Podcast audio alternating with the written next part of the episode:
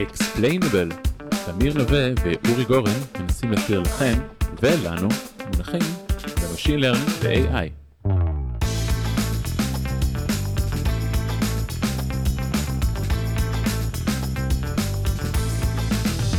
בוקר טוב למאזינים, אה, אורי גורן לא נמצא איתי היום, אבל הבאתי אורח מאוד מיוחד שמדבר איתנו היום על נושא שקרוב לליבי, אה, הוראת הבינה מלאכותית. זה קרוב לליבי כי אני מדריך אה, Machine Learning, Deep Learning, גם מבוגרים וגם ילדים. מתעסק בערכות אה, רובוטיקה ל, ל, לילדים, רובוטים מגרוטאות שאיתם אפשר ללמוד ולהתעסק עם בינה מלאכותית. אז אה, בוקר טוב שי פרח, שי פרח הוא דוקטורנט במחלקה להוראת המדעים במכון ויצמן, מפתח תוכנית למידה שכבר נלמדת ונלמדה על ידי מאות תלמידי תיכון, ממש ברמה אקדמית. מה שלומך הבוקר שי? טוב, תודה רבה, תודה רבה תמיר, שמח מאוד להתארח בפודקאסט החשוב שלכם. תודה, תודה.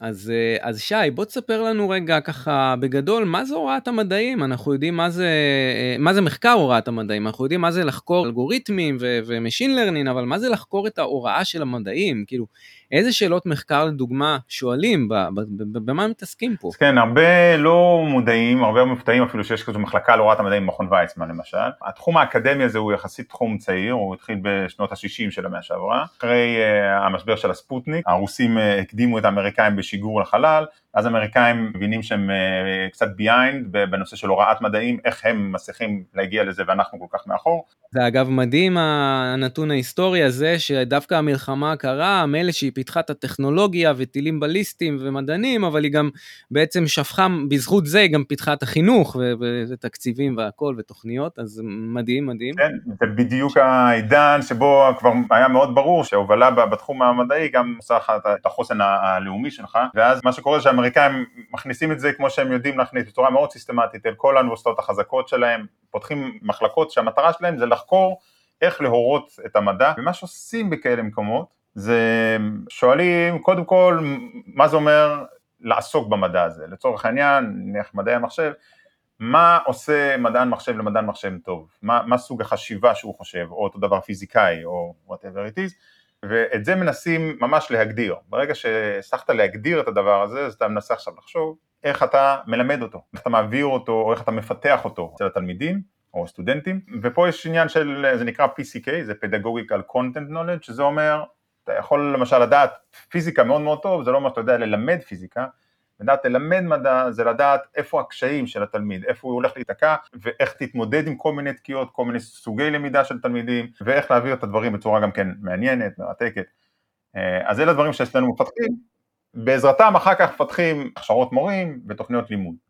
יפה, אז אתה אמרת פה משהו שבעיניי מאוד מעניין. אה, אמרת מי הוא איש מקצוע טוב, או איזה מיומנות צריך data scientist טוב, וזו שאלה מעניינת. למה היא מעניינת? כי אני כשעשיתי תואר שני לפני אה, מעל עשר שנים, אני נחשבתי, קראו לי בתעשייה אלגוריתמיקאי עיבוד תמונה. המיומנויות שנדרשו מאנשים כמוני זה הבנה מתמטית יחסית גבוהה, לקרוא איזה מאמר עם אינטגרלים ולא להיבהל, אה, לחשוב באמת עם חשיבה מתמטית. אה, היום עושים הכל עם Deep Learning, פשוט מאמנים אה, מודל, מביאים לו דאטה והמשקלות מתכווננות לבד, ו- ויש לי את הדיון הזה עם הרבה אנשים, כאילו סוג, המיומנות שנדרשת מאיתנו, האלגוריתמיקאים, שהיום כבר לא קוראים לנו כל כך אלגוריתמיקאים, קוראים לנו אנשי data science, אנשי, אה, אה, לא יודע, AI, המיומנות היא אחרת, זה, זה כבר, אין פה כבר מתמטיקה עמוקה לבעיות הפשוטות, עזוב את ה... ברור שהמחקר, כן, יש בו, יש בו מחקרים מעניינים מתמטיים עמוקים, אבל להרבה בעיות בתעשייה, אתה לא צריך את המיומנויות שפעם היית צריך. אז בוא נשאל אותך ככה, זה, זה, זה מקצוע חדש בעצם ה-AI הזה, ו, ומה זה המקצוע הזה? זה מקצוע של טכנאות או מקצוע של אה, הנדסה? מן הסתם זה גם גוזר על איך מלמדים, איך מכשירים, יש סוגי הכשרות. אז תשמע, זו שאלה מאוד מאוד מעניינת, מה שאתה, מה שאתה אומר כאן, אה, קטונתי מלתת לה איזושהי תשובה מוחלטת, אבל אפשר ביחד לנסות לפרק את, את המשתנים שלה. בסוף אנחנו ב... בהתפתחות מאוד מואצת, מאוד מהירה, מ-0 ל-100 של, של כל התחום הזה ובעקבותם גם המקצוע הזה, והכל עדיין מתהווה. אה, אנחנו יכולים על ידי פירוק המשתנים האלה להבין אולי לאיפה דברים ילכו, אבל בואו נבין שנייה אחת רגע אחד איך, איך הגענו לכאן, רק נזכיר שבעצם תחום של AI הוא בטח עד אמצע שנות התשעים איזוטרי לחלוטין באקדמיה, הוא קיים בכל המחלקות אבל הוא אנשי אקדמיה, שנות התשעים אה, מתחיל להרים ראש נושא של, של Machine Learning כמשהו פרקטי עם, עם SVM ו-Random Forest אחר כך ב-2001 אבל עדיין זה לא משהו גדול. מה שהופך את זה להיות גדול ביחד עם הגדילה של הדאטה זה כמובן האימון על GPUs שקורה בין 2009 ל-2012 עם, עם הפיק ב-2012 של אלכסנט, שדרך אגב אפשר לחגוג לו עשר שנים, זה בדיוק ספטמבר 2012. מזל טוב. זה די מדהים, שאנחנו בסך הכל עשר שנים מאז האירוע הזה, ואיזה עשור מטורף חווינו, ולא נראה שההתפתחות הולכת לעצור בשום צורה. עכשיו, גם את העשור הזה אפשר לחלק פחות או יותר לשתיים, ככה עד אזור 2016, שכבר כולם כן מבינים שזה פרקטי והכל, אבל עדיין, מה שנקרא, יודעי חן עוסקים בו. כן, נראה לי, ש, נראה לי שבחצי הראשון זה היה מאוד חזק באקדמיה ובתעשייה, אה, ובאמת מ-2015 כבר התעשייה התחילה לדבר על בדיוק, זה. בדיוק, וצריך לחשוב מה הסיבות לזה, אז סביר להניח שאחד מה, מה, מהדברים החזקים זה העובדה שמשתחררים כל ה framework שאנחנו מכירים היום, TensorFlow, Keras, לאחר מכן PyTorch, וזה מה שמאפשר לפתח פתאום בצורה משמעותית יותר קלה ופשוטה, ולבדוק בצורה פשוטה. וגם כן יש לנו את הנושא הזה של ResNet, שבעצם מסביר שלא רק שזה פרקטי, אלא שכמעט אין לנו גבול לעומק שאנחנו יכולים להיכנס ב deep networks האלה, ולכן אה, ככל שיש לך עוד יותר דאטה, תוכל להגיע לביצועים עוד יותר טוב. ול accuracy, זהו, ל accuracy המדהים שהם מגיעים עם... אה, בדיוק, ואז אה, אנחנו נכנסים לעידן שאנחנו באמת נמצאים בו עכשיו, והיום לא רק שיש לך את ה frameworks, אלא גם כן כמו שאנחנו יודעים, יש לך מודלים מוכנים על המדף, pre-trained, בגדול אתה רק צריך לדעת על הקיום שלהם ולדעת איך, איך, לא, איך להוריד אותם במדף, איך להשתמש בהם ואיך לכוונן אותם. בוא, בוא נגיד את זה ככה, אם נסתכל על 2011-2012, כאלה שעדיין פיתחו ממש ביד, שורה אחרי שורה את כל המודל שלהם, הם לא ימשיכו לעשות את זה אחרי 2016-2017, הם כבר יעשו ב-TensorFlow או ב-PyTorch, כן?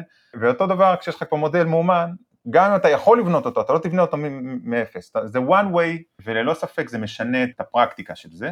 אם יורשה לי שוב אני אגיד לדעתי, לדעתי בתעשייה יש פרויקטים ש, שצריכים טכנאות ותו לא, זה, אני לא אומר אם זה רע או טוב, אני אומר עובדתית, הצורך של המוצר של חברה כזו וכזו, לקחת מודל ולאמן וזה טכנאות ותו לא, וכמובן יש פרויקטים שכן צריך פה קצת יותר, זה עוד לא דברים שמדברים עליהם בצורה כל כך מפורשת בתעשייה, אז אני, אני לא יודע מה קורה בעולם החינוך, האם גם בעולם החינוך יש תוכנית הכשרה AI של אה, חצי שנה ל...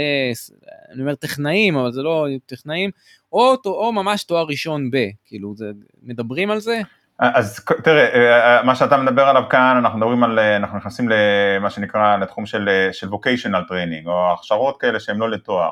אז כאלה קיימות מראשית התחום, כשהראשונות שקמות, הן קמות מתוך הצורך הזה שעובדתית נוצר פתאום משהו, מקצוע פרקטי חדש שיש בו צורך, אבל מעטים מאוד יודעים אותו, אז לכן כל מיני כאלה שיש להם תואר ראשון במדעי המחשב או, ב, או במדעים ורוצים להיכנס לתחום אז עושים כאלה הכשרות וככל שהבאז הולך ועולה אז אנחנו רואים יותר ויותר הכשרות כאלה ש, שמבטיחות לבוגרים להיכנס לתעשייה האם זה יקרה או לא אני חושב שעדיין מוקדם לדעת האם אה, אפשר לקחת ולהכשיר אותו לתחום בתוך שנה וזה גם תלוי מי מכיר דוגמאות כן. טובות בתוך שגם אתה על כאלה שהם נניח בוגרי PhD בפיזיקה או בכימיה שעשו הסבה ומסכים מאוד האם אפשר לקחת גם עורך דין או רואה חשבון להכניס אותו לשם? שאלה. יש בודדים שהצליחו, אבל אה, כן, אני חושב שזה לא, לא הרבה.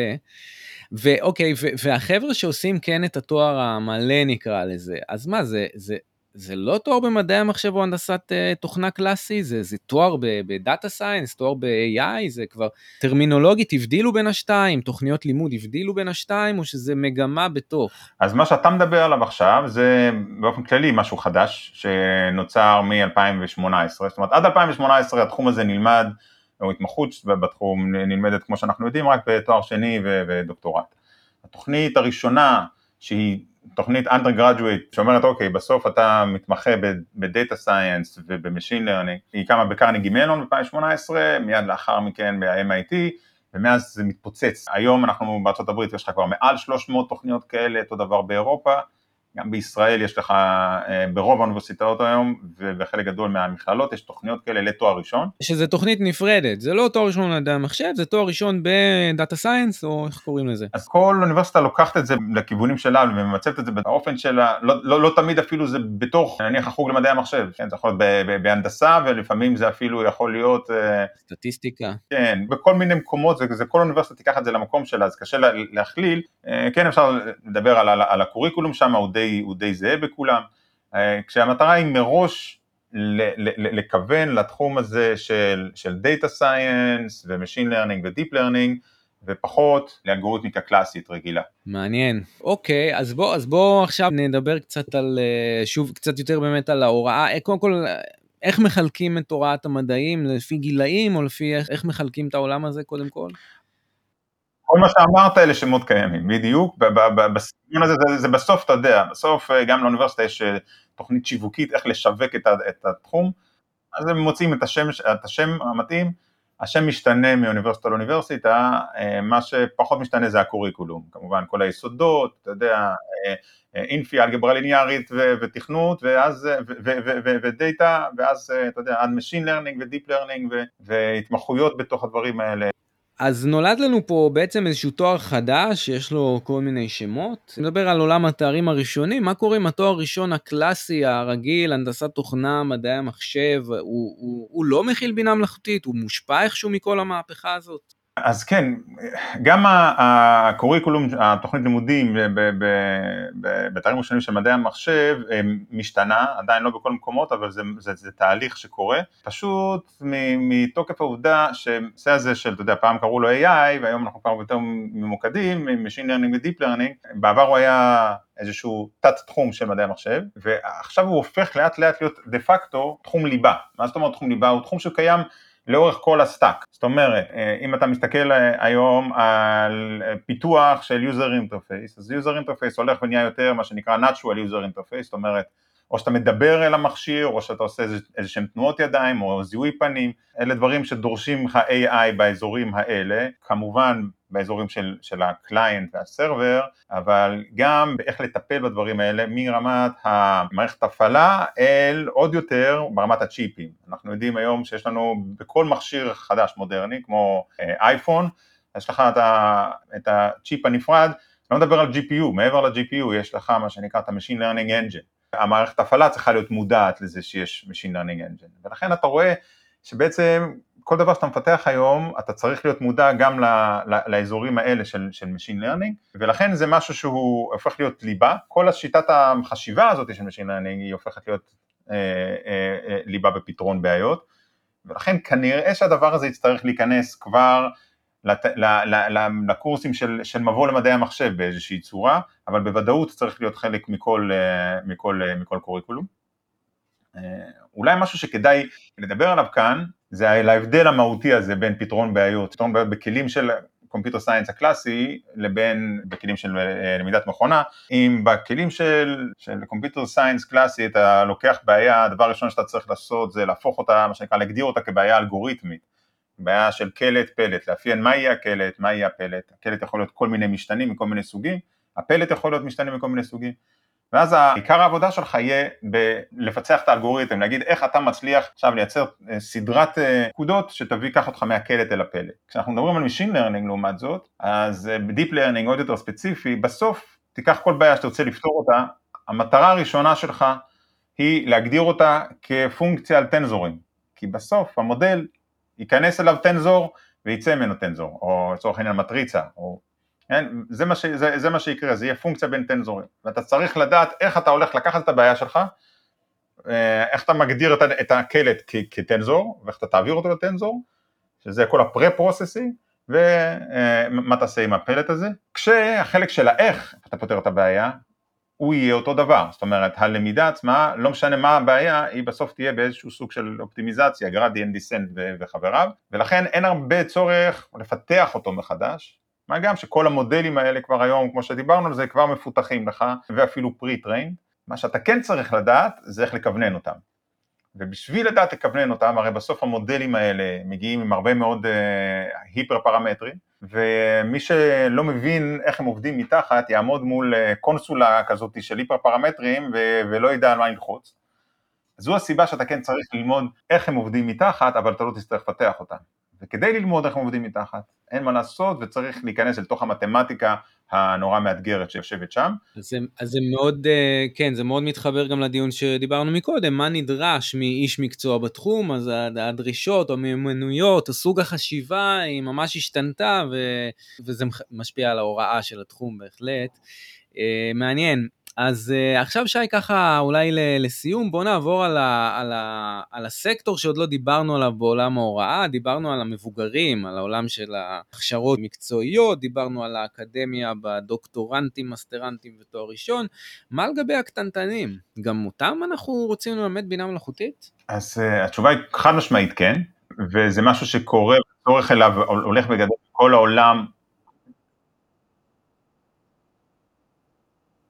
כן, K, בדיוק, K-12, שזה kindergarten to 12 grade, אמ, וחד משמעית, אה, יש שם שיח גדול מאוד על הצורך בזה, שמתחיל רק מ-2018, ופה צריך אולי להבחין בין, בין שני, אה, שני סוגים של באופן כללי הוראת מדעים. כשאתה עושה הוראת מדעים אתה יכול, השאלה למי אתה מכוון, האם אתה מכוון לכלל התלמידים, שאתה, ואז אתה שואל, אוקיי, לצורך העניין, מה כל בוגר עתידי צריך לדעת על ביולוגיה או על כימיה? לעומת זאת, יש את ההוראה של נניח מי שיעשה חמש יחידות ביולוגיה, אה, שזה הבדל, יש, יש ביניהם אה, את, את ההבדל בין אה, משהו שאתה צריך להנגיש לכולם לבין משהו שאתה מסתכל ואתה אומר זה science for the future scientist, אתה מסתכל עליו כי אתה אומר בעתיד הוא, ייכנס, הוא יעסוק במדע בוא נלמד אותו מהיום לעומת ה, מה שנקרא ה-AI for all, נכון? נכון. וב-AI for all כולם צריכים לדעת קרוא וכתוב, אז מה כולם צריכים לדעת בהקשר של בינה מלאכותית? רוב החיים שלנו מנוהלים, כמו שאתה אמרת לי מקודם, על ידי בינה מלאכותית, אז, אז, אז בהחלט, אני מניח אבל שבנישה הזאת זה לא טכני, זה לא בוא נלמד תכנות, זה יותר, לא בדיוק יודע מה מלמדים בזה, אבל זה משהו יותר כללי כזה. כן, אז פה אנחנו, אנחנו רוצים בעצם שכל תלמיד, כל ילד ובטח כל אזרח בוגר יבין שמכונה יכולה ללמוד, איך היא לומדת, מה המגבלות שלה, שבתוך זה, זה גם יגרום להם להבין איך לומדים עליהם כל מיני כלים דיגיטליים שהם, שהם חיים סביבם, איך הם יכולים להשפיע עליהם ברמת uh, הנדסת uh, התודעה. הם, בסוף אנחנו חיים היום במציאות של AI וזה היום, שלא לדבר על מה יקרה כשהתלמידים האלה יהיו בוגרים. אז לכן יש צורך ב-AI for all, הוא קיים, אה, וכאלה תוכניות קיימות בעולם, מתחילות להיות קיימות בעולם בשנים האחרונות, אפשר לציין אולי בארצות הברית, אה, יש לנו את אה, AI for all.org, ששם זה תוכניות כאלה אקסטרה קוריקולר, כאלה שבאים לבית ספר ועושים איזושהי פעילויות, ויש לנו את AI for K-12, שזה יותר רצון להנחיל סטנדרטים שייכנס אל תוך ההוראה של בתי הספר, זה יוזמה של ה-Triple AI וארגון המורים של, של מדעי המחשב וה-CSTA, שם הם מגדירים באמת מה לכל שכבת גיל, יסודי מוקדם, יסודי מאוחר, חטיבת ביניים ותיכון, מה אמור לדעת אה, התלמיד בכל שלב, וזה כרגע מתחיל, זה אימפלמנטציה ראשונית. מה קורה בארץ בהקשר הזה? לא קורה, אתה אומר. אז לא, אז זהו, לצערי לא, זאת אומרת, תראה, ברמת השיחות באזור הצורך והפיתוח במשרד החינוך זה קיים, זה אני אומר לך בוודאות, עדיין אין תוכנית אה, שמאושרת, אין משהו בתוך בתי הספר שעושה דבר כזה, שאיפה זה יקרה כמה ש... את ה-AI for all. את ה-AI for all אתה אומר, לא? אוקיי, ומה לגבי הקטגוריה בארץ, הקטגוריה של ה... איך אמרנו? AI for the כאילו, future scientist. אולי לפני כן רק להגיד שאם כמו שאנחנו כולנו שומעים עכשיו יש יותר יוזמות של, של coding for all, כאילו בעצם להכניס אלגוריתמיקה לכל, לכל mm. הגילאים, דעה אישית שלי שזה, שזה דווקא לעשות את זה עם AI זה דרך אפילו יותר יכולה להיות רכה ומעניינת גם להיחשף לקודינג ולאלגוריתמיקה ותוך כדי זה להכניס את הנושא של AI לתשומת לב מקבלי ההחלטות מה שנקרא. ואגב, עוד דבר שאתה אמרת לי בהכנה לפרק, וגם שווה להזכיר וניתן את הלינק של זה, אם יש עוד לינקים אז אני אשמח שתיתן, אה, זאת אומרת, coding for all זה, בוא נגיד, לא חסר כלים ואתרים ופלטפורמות, אבל AI for all, אין כל כך הרבה, תקן אותי אם אני טועה, אבל שווה להכיר את ה-teachable machine, נכון? נכון teachable machine של, של גוגל, יש עוד כמה כלים כאלה, יש, יש גם לסקראץ', אה, אה, מין מודול כזה. יש, יש, ויש ומתפתחים יותר ויותר כלים כאלו, שכדאי מאוד להכיר אותם כמובן, כן. שבעצם, זאת אומרת, אה, הם, הם לא מלמדים אותך אה, אה, לתכנת, אבל הם כן מראים לך עקרונות של, לא יודע, לקחת תמונות, לאמן מודל, לראות ש... למידה מדאטה. כן. כן, אתה יודע, אתה, שמה, אתה יכול להראות למחשב, הנה, הנה הארנב שלי, אין ארנב, יש ארנב, ועכשיו תגיד לי האם יש ארנב, כן? אז, אז ברמה הזו להראות שהמחשב צריך לקבל דאטה, הוא ינתח את הדאטה, הוא ידע מתוך זה, ילמד משהו חדש. הדבר הזה הוא משהו. שכל אחד צריך לדעת שהוא קיים. זהו, זה, זה, אני רוצה כן גם להרחיב את הנקודה הזאת, אתה אמרת לי את זה בהכנה לפרק, וזה כאילו לא, לא עד הסוף ברור לאנשים, אני חושב, למה, למה כל אחד צריך לדעת את זה. אתה אמרת את זה בעצם, אמרת את המילה גסה, הנדסת תודעה. אנחנו חיים בעידן שכדאי שנבין, הילדים שלי, הם לא מבינים שמאחורי... Uh, סירי, או מאחורי אה, לא יודע מה. לא, בוא תיקח אחי, סירי זה בסדר, בוא תיקח טיק טוק, אה, הם לא מבינים עד כן. כמה הדבר הזה שותה את הדאטה שלהם, מבין אותם, מכיר אותם, ומטרגט אותם בצורה שאין להם כן. סיכוי מול זה, אין להם סיכוי, לאף אחד מאיתנו, בינינו. כל, כל אחד מאיתנו יישאר בתוך החור הזה, כן? צריך שהם יהיו מודעים לזה, האם זה יפתור את הבעיה, האם יגידו אוקיי, אז, אז אני אפסיק עם הטיקטוק, כנראה שלא, אבל, זה, אבל, אבל, אבל בוא נגיד שזה ללא ספק אבן חשובה שתהיה שם. נקודה סופר חשובה בעיניי ברמה איזה חברה אנחנו רוצים להיות. לגמרי. שכאילו אנחנו רוצים להבין את הטכנולוגיה כדי שהיא לא תשתלט עלינו, אז בוא, בוא נבין אותה. ברמה הבסיסית, בלי לכתוב Python. כולל הדברים היותר מתקדמים, לצורך העניין, להבין מה זה deep fake. להבין איך הוא, איך הוא נוצר. אתה יכול, אתה יודע, אתה לא צריך להגיד את כל המתמטיקה מתחת. אתה יכול להסביר את זה לכל ילד, איך נוצר deep fake ולמה הוא קיים, ולהראות דוגמאות ולהסביר לו, בוא, מעכשיו מה שאתה רואה, תיקח את זה בערבון מוגבל. זה מאוד מאוד חשוב. כן. האמת שקר, המושג הזה של האמת מול שקר הוא מאוד uh, בתקופה הזאת uh, מאתגר, וזה בדיוק קשור להבנת הטכנולוגיה. אנשים לא מצליחים להבין, ו... אוקיי, מעניין. אה, אז... אה, רגע, אני אגיד לך אפילו עוד משהו אחד חשוב, לפני שאנחנו כן. עוברים אל האזור השני, כן. שגם מה שאני אגיד עכשיו הוא רלוונטי גם לשם.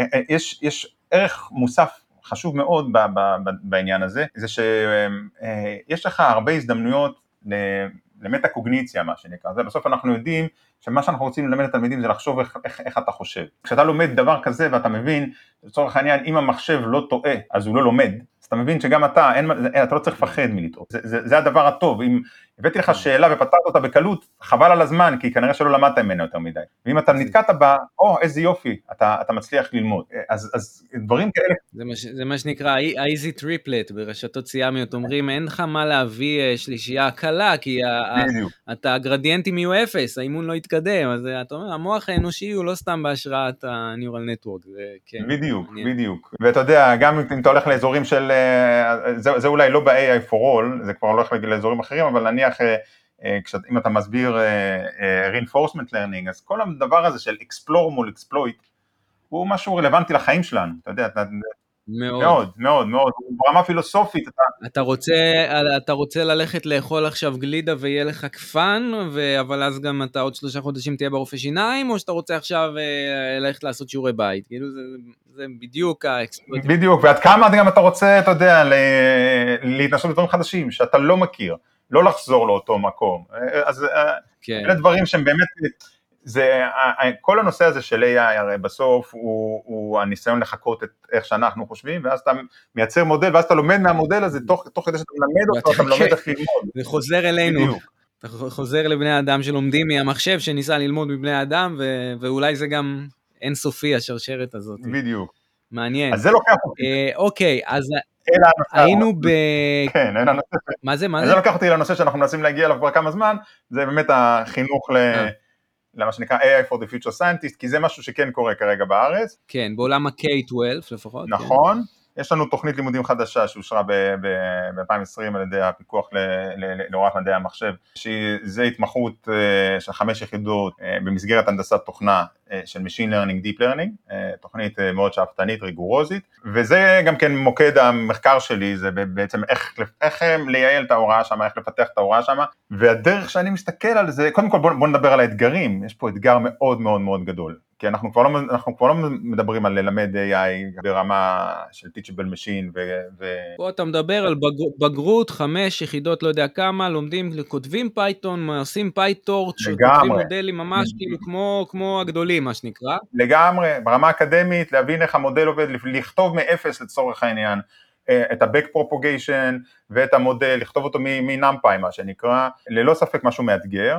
האתגר הגדול, זאת אומרת, אתה יודע, אתה חושב, אתה חושב, אתה אומר, רגע, איך אני, איך, איך, האתגר הראשון שחושבים עליו אולי זה אולי איך נלמד תלמידי תיכון את כל הדבר הזה, יש שם הרבה מתמטיקה, אני אגיד לך שזה אתגר שעוד ניתן לפיצוח, האתגר היותר קשה זה מי ילמד, מי, hmm. מי, מי ילמד, זאת אומרת, כן, יש מורים למדעי המחשב, אבל מורה למדעי המחשב לא יודע כלום ב deep learning, כי זה מקצוע מאוד מאוד חדש, לא, לא כי לא כי הוא לא מספיק חכם, פשוט זה מקצוע מאוד מאוד חדש.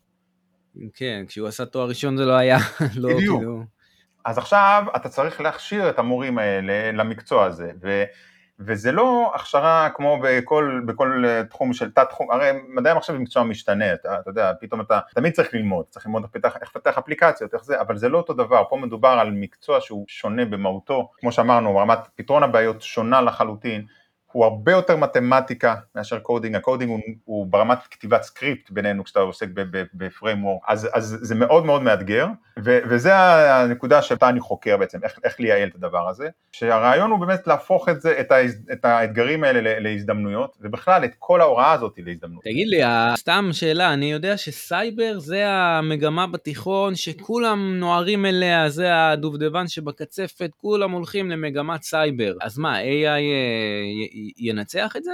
קודם כל מוקדם להגיד, אבל אה, אולי, אולי חשוב לזכור מה הסיבה ש, אה, שכולם רוצים ללמוד סייבר, אז כמובן זה לא בגלל שזה הדבר הכי מעניין לעשות ב computer science, כולנו מבינים שזה בגלל שבסוף הם מלש"בים והם רוצים להיכנס ליחידות האלה בצה"ל, אז כולנו יודעים שהיחידות האלה בצה"ל יש בהם כבר גוף AI אה, הולך וגדל משנה לשנה, וגם את זה הם צריכים, פשוט עד עכשיו לא, לא הייתה תוכנית שהזינה אותם, זה נורא חדש, אבל זה, הם נורא מברכים על זה, בוא נגיד, אני יכול להגיד לך, היחידות טכנולוגיות של צה"ל, אני מאמין שזה בהחלט משהו שייקח נתח רציני.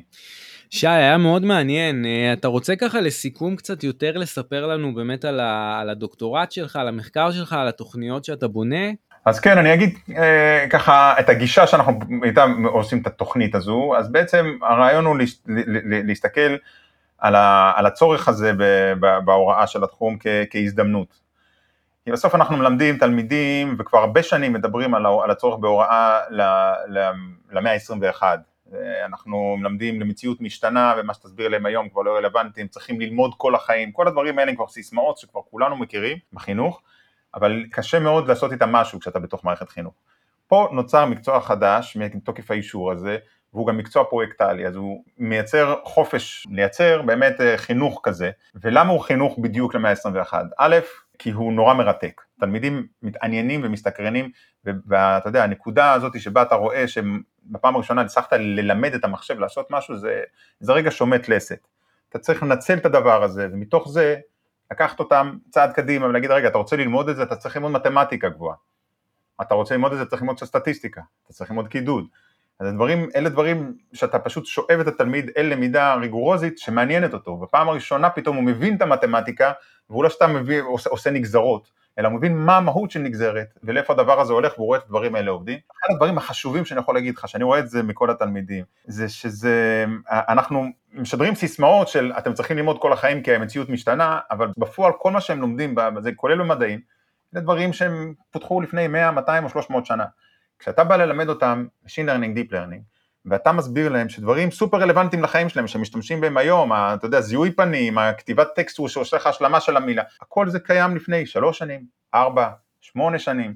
עכשיו, אז הם מרגישים בבטן את קצב ההתפתחות, הם, הם מבינים שהם בעולם משתנה, אז הם רוצים ללמוד יותר, ואין ברירה חוץ מללמוד באופן כזה, וכמו שאמרתי, הרבה מאוד אפשרות למטה קוגניציה, לחשוב על איך אתה חושב, כדי שאתה תוכל ללמד את המודל, איך המודל חושב ולמה הוא חושב ככה, כי זה בדיוק איך שאנחנו חושבים. אז אנחנו עושים את זה באמת בצורה של blended learning, אנחנו לוקחים את הקורסים של פרופסור אנדרו האנג של סטנפורד, והם עמוד השדרה של התוכנית, סביבם המורה מתרגל, מפתח שיח בכיתה, יוצק משמעות, לפעמים הרבה פעמים הוא מעמיק מעבר למה שפרופסור אנדרו מסביר או מרחיב יותר, אבל יש את התשתית הזו, מה שגם מייצר או מטפח כישורי הלמידה אצל התלמידים, וגם מאפשר למורה ללמד את זה, כי בסוף זה קשה לקחת מורה למדעי המחשב, שעד אתמול הוא ידע רק מדעי המחשב, לעשות לו איזושהי הכשרה בקיץ ולזרוק אותו לתוך כיתה עכשיו וללכת ללמד Deep Learning, וזה נותן גם כן סוג של פיגומים למורה, כי בעצם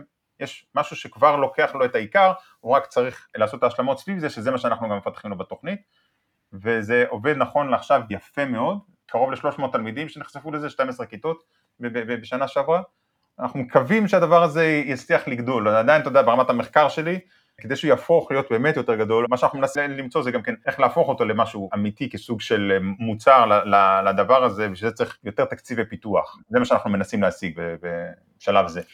עבודה מאוד חשובה אתם עושים. שי, אה, המון תודה, היה לנו פה פרק ככה קצת שונה מהרגיל, אבל באמת מרתק וכמה דיונים מאוד מעניינים אה, היו לנו פה. המון תודה, מקווה שגם המאזינים נהנו, ונתראה בפרק הבא. תודה רבה, תמיר. Explainable, תמיר נווה ואורי גורן מנסים להסביר לכם ולנו מונחים ב machine learning ו-AI.